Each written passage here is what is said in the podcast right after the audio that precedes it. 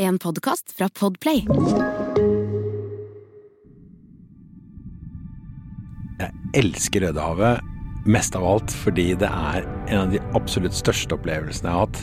Eh, og jeg har kommet tilbake gang etter gang etter gang etter gang, og jeg blir aldri skuffa.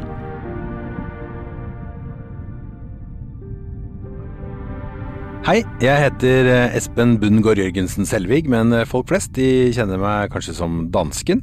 Jeg eh, spiller i et rapporkester som heter Klovner i kamp, og lager litt TV-programmer og sånn. Og mest av alt så elsker jeg å reise. Reiser og eventyr er livets salt, og nå skal jeg ta dere med på det som jeg kanskje ser på som den største sakrale opplevelsen jeg har hatt, og det er dykking i Rødehavet fra en liveboardbåt. Det aller første bildet jeg får når jeg tenker på Rødehavet, er når man kommer ut på flyplassen fra Sharm el Sheikh, og det står en liten pickup truck og venter, og setter seg opp på lasteplanet med bager og pakk, og blir kjørt ned til havna. Og det er en sånn dirrende hete på land som du bare får i ørkenen. Men i det øyeblikket du mønstrer om bord på båten, tar skrittet fra bryggekanten og om bord i denne båten som du skal bo på neste uken, så kjenner du havbrisen. Havbrisen som gjør at temperaturen faktisk er til å holde ut.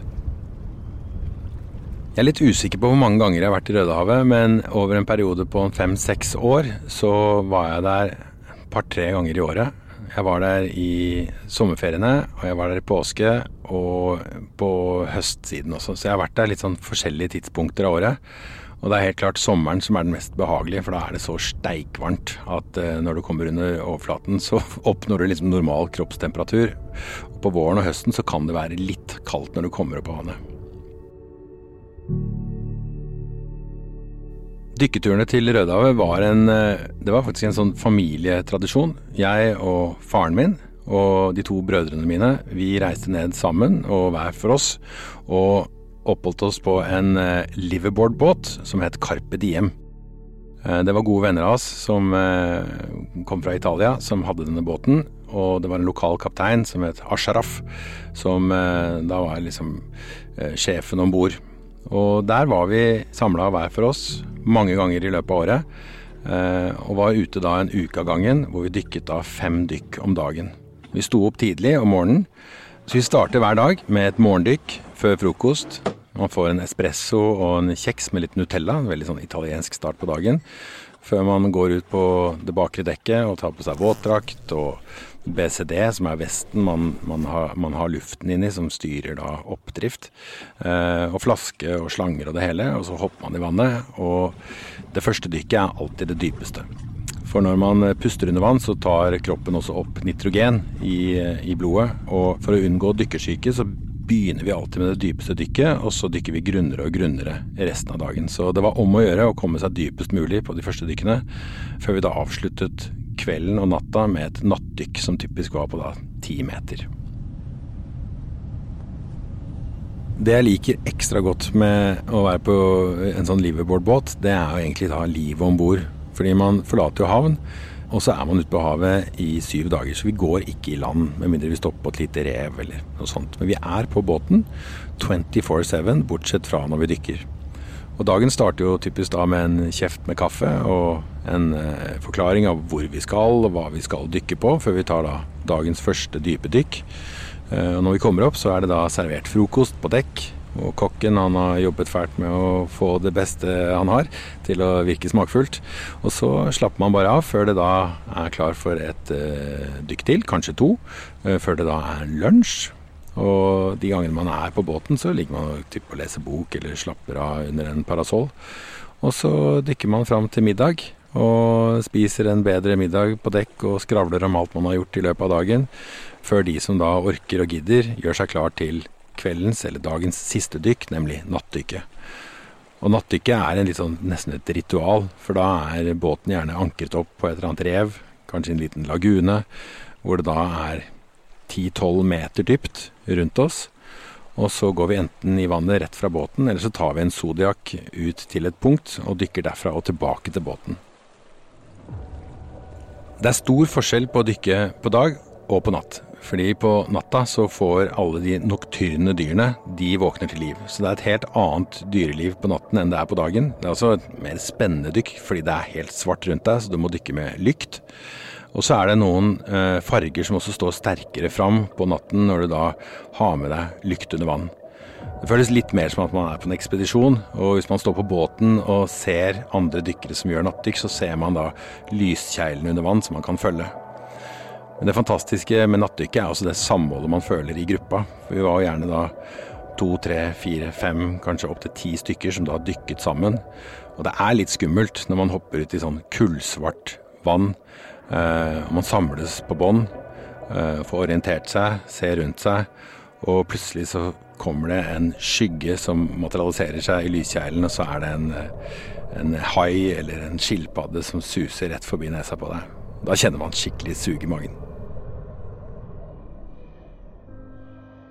Og når man da kommer opp fra nattdykket, da er man ganske ferdig. Og da er det egentlig bare å legge seg rett i køya. Og det er jo typisk da lugarer under dekk. Og aldri har jeg sovet så godt som jeg har på en liverbåt etter å ha dykket fem dykk på en dag. Hett tips når det kommer til liveboard. Jeg ville gjort en grundig research av båtene. De kommer i litt forskjellige eh, størrelser, og det er litt forskjellig sånn eh, luksusstil på det. Noen er veldig, veldig simple og enkle. Jeg har vært på en båt hvor vi sov på dekk, eh, og andre igjen er veldig luksuriøse med egne lugarer og spa-avdeling osv. Da må man rett og slett finne ut av hva man er keen på, og hva lommeboka tåler. Og så er man jo låst inne på en båt i syv dager. Du kan gjøre kortere turer også på tre til fire dager, men et hett tips er å dra med noen du faktisk liker. Det er ikke et sted å dra på første date. Da skal du vite at det der kommer til å funke. Men dra med noen du liker, og så sjekk eh, gjerne anmeldelser, og sikre deg at det er et, eh, et, seriøst selskap som driver med det, og at det er sertifiserte, dyktige og erfarne guider som jobber om bord, sånn at du er trygg når du dykker. Det er mange steder i verden man kan dra på en liverbåt, men jeg vil anbefale Rødehavet fordi Rødehavet har så stor variasjon i dykkene. Det er ikke bare vrakdykk eller eh, bare haidykk. Det er så utrolig stort spenn i hva du kan oppleve. Jeg tror ikke du finner noe sted i verden som har et så stort mangfold av opplevelser samla på ett sted. For i Rødehavet så er det helt fantastisk sikt. Det er mellom 20 og 40 meter sikt. Så det føles som om man er helt vektløs, at man bare flyr inn i en ny verden hvor alle liksom, naturlovene er opphevet. Her kan jeg gjøre saltomortaler, jeg kan synke, jeg kan fly. Det er sikkert litt som å hoppe i fallskjerm. Hvor man bare er liksom i ett med omgivelsene.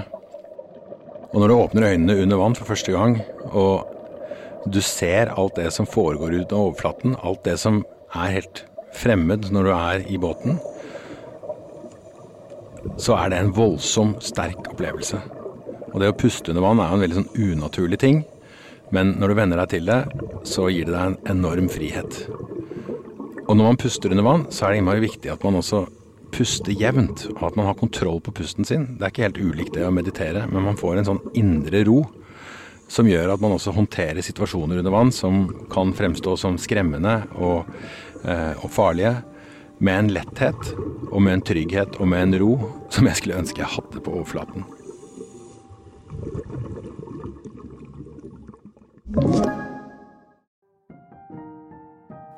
Å booke en tur med en liverbåt, det kan egentlig alle gjøre. For der er det helt, eh, helt åpent for eh, både amatører, men også eksperter. Der alle nivåer er velkomne. Du må bare booke riktig tur. Du kan til og med dra på en liverbåt uten å ha dykkesertifikat, fordi på de fleste båtene så kan du ta kurs om bord. Eh, men da vil jeg anbefale å gjøre det hjemmefra. For da kaster du ikke bort tre dager med å ligge og plaske rundt på to meter, men du kan gå rett i gang med godsakene som gjerne ligger litt dypere. Og når man skal reise ned på en sånn tur, så vil jeg anbefale at hvis man har eh, regulator, eller altså ventilsett, dvs. Si de slangene og den smokken du har i kjeften og maske og sånn, så ta med det hjemmefra. Mens eh, våtdrakt og flasker, det kan du låne der nede. Men det liksom grunnleggende utstyret som er ditt, det mest personlige, det ville jeg tatt med. Altså, jeg er jo ikke en uh, veldig uh, avansert dykker. Jeg har gått gjennom de grunnleggende kursene. Jeg har tatt open water, jeg har tatt advanced, og så har jeg også tatt redningsdykkerkurset. Så jeg er sertifisert til å kunne gå ned til da uh, fritidsdykkermaksdybden, som er 39 meter. og så må man jo, som i trafikken, så må man jo lese omgivelsene, og så må man kjenne grensene sine. og Eh, holde seg innenfor det man selv syns er trygt. Og så må man selvfølgelig også forholde seg til naturlovene. Det er, eh, det er fullt mulig å skade seg når man, når man, dykker. Det gjelder både nitrogenopptaket i blodet, som kan gi deg dykkersyke, men det, gir, det handler også om hvordan du møter det som fins under vann. F.eks. så kan en hai skade deg hvis du oppfører deg tankeløst.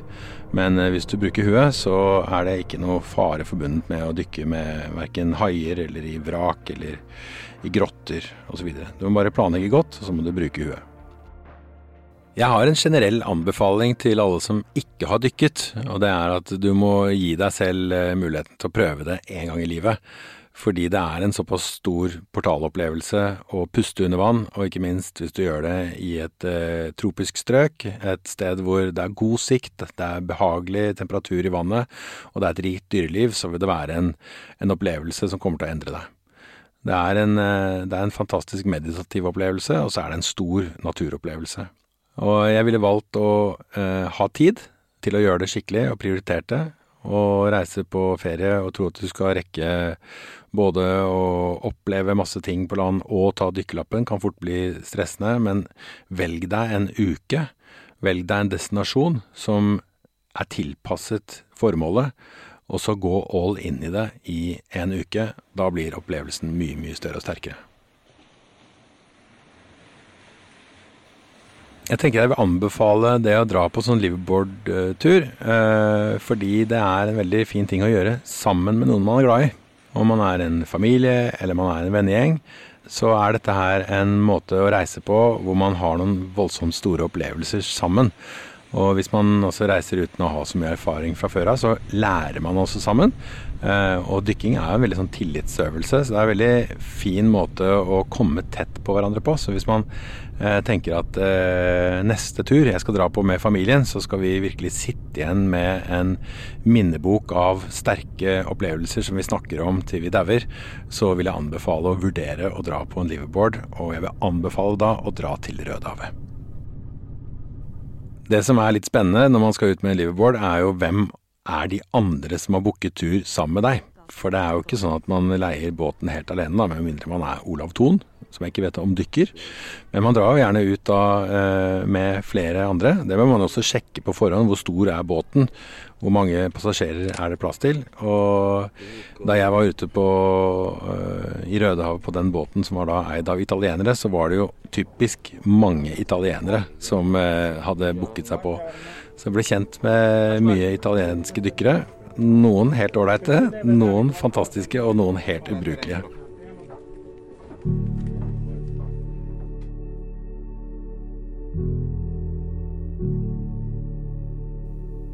Det jeg ville vært eh, nøye med, var å velge da en eh, båt som er eh, skikkelig, med skikkelig mannskap og skikkelig eh, instruktører og guider om bord. Så jeg ville brukt litt tid på å researche. Tatt kontakt med et norsk dykkesenter som kanskje arrangerer turer til eh, Rødehavet, og hørt med dem hvem de anbefaler at man reiser med. Det er alltid bra å få tips fra folk som har vært på båten tidligere. Eh, da får man eh, mye, mye bedre råd enn hvis man går inn på båtens egen hjemmeside. Fordi på hjemmesidene deres så er alle båter verdens beste. Så snakk med dykkere du kjenner i Norge, eller ta kontakt med et dykkesenter i Norge, så hjelper de deg med å finne riktig båt. Så, så er det, det er i Rødehavet så er det jo både de liksom store opplevelsene. Det å se sin første hammerhai, eller hvis du er heldig så ser du en, en stim med hammerhai. Det er veld, veldig, veldig kult. Og det er også fantastisk hvis man får sett en hvalhai, som er da eh, et av de liksom største eh, havpattedyrene du kan se. Eh, skilpadder og sånn. Men så er det også de bitte, bitte, bitte små tingene. Som i, i sånne bitte, bitte små spagettianemoner, som jeg liker å kalle dem, så finner du klovnefisk. Og de, de er jo veldig familiære, så i en sånn liten anemone så er det da mor og far og barn. Det er, det er liksom en, Og så har man sett Finding Nemo, ikke sant? så man føler at dette her er sånne tegneseriefigurer. Og det å da bare ligge og kikke på, og følge med på hvordan de eh, oppfører seg med hverandre, det er sånn, det kan ligge i ti minutter og bare sitte og kikke på dem. Eh, så det er masse sånne små, fantastiske opplevelser også. Ja, så er det noen grunnleggende regler da når man er under vann. Det er at man skal ikke ta på noe. Eh, man skal ikke røre ved noe. Du kan jo ta livet av en korall som har stått der i tusenvis av år. Hvis du tar på den, så er den ferdig. Så ikke vær borti noe, med mindre du må holde deg fast. Og prøv å være passiv med dyrelivet. Altså Ser du en skilpadde, så ikke ta på den. Ikke heng deg fast i den. Eh, for da kan den finne på å bli redd og dykke, og den kan dø hvis den går for dypt. Um, Det samme gjelder da også hvis du møter hai. Hold deg rolig, vær passiv. Uh, dykker du ut vrak og du ser en hai inne i et rom, ikke dykk inn i det rommet. Kom deg unna. Så Det er liksom bruke litt sunn fornuft da, som er, uh, som er et, et hett tips. Og så bør man jo dra, egentlig Jeg tenker det er flere grunner til å dra dit. Dels er det jo en voldsomt stor opplevelse, og man bør jo dra ganske snart. Fordi det er en kjensgjerning at verdenshavene de varmes opp. Og er det et sted man ser dette er veldig tydelig, så er det jo på korallrevene. Og eh, Rødehavet er intet unntak. Det er eh, dessverre sånn at uh, revene de lider under uh, økte havtemperaturer. Og mange av revene tett på hotellene er også ganske ødelagt av at folk har gått rundt og tråkket på korallene. Uh, så jeg tenker at dels er det en stor opplevelse å reise ut og oppleve det. Men det er også en påminnelse om at vi er nødt til å prøve å ta litt bedre vare på den kloden vi har. Vi har bare én, og hvis ikke vi reverserer den utviklingen vi ser nå, så kommer dette her til å forsvinne.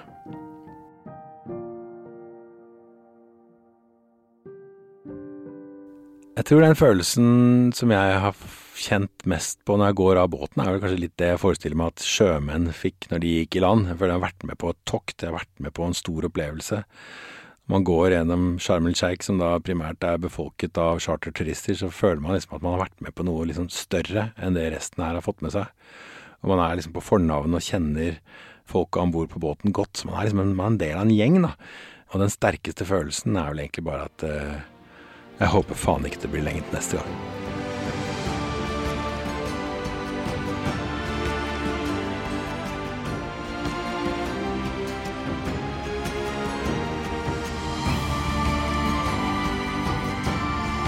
Reis med meg er produsert av Klynge for Podplay. Og produsent er meg, Hanne Mjelstad. Produsert av Klinge. Du har hørt en podkast fra Podplay en enklere måte å høre podkast på. Last ned appen Podplay, eller se podplay.no.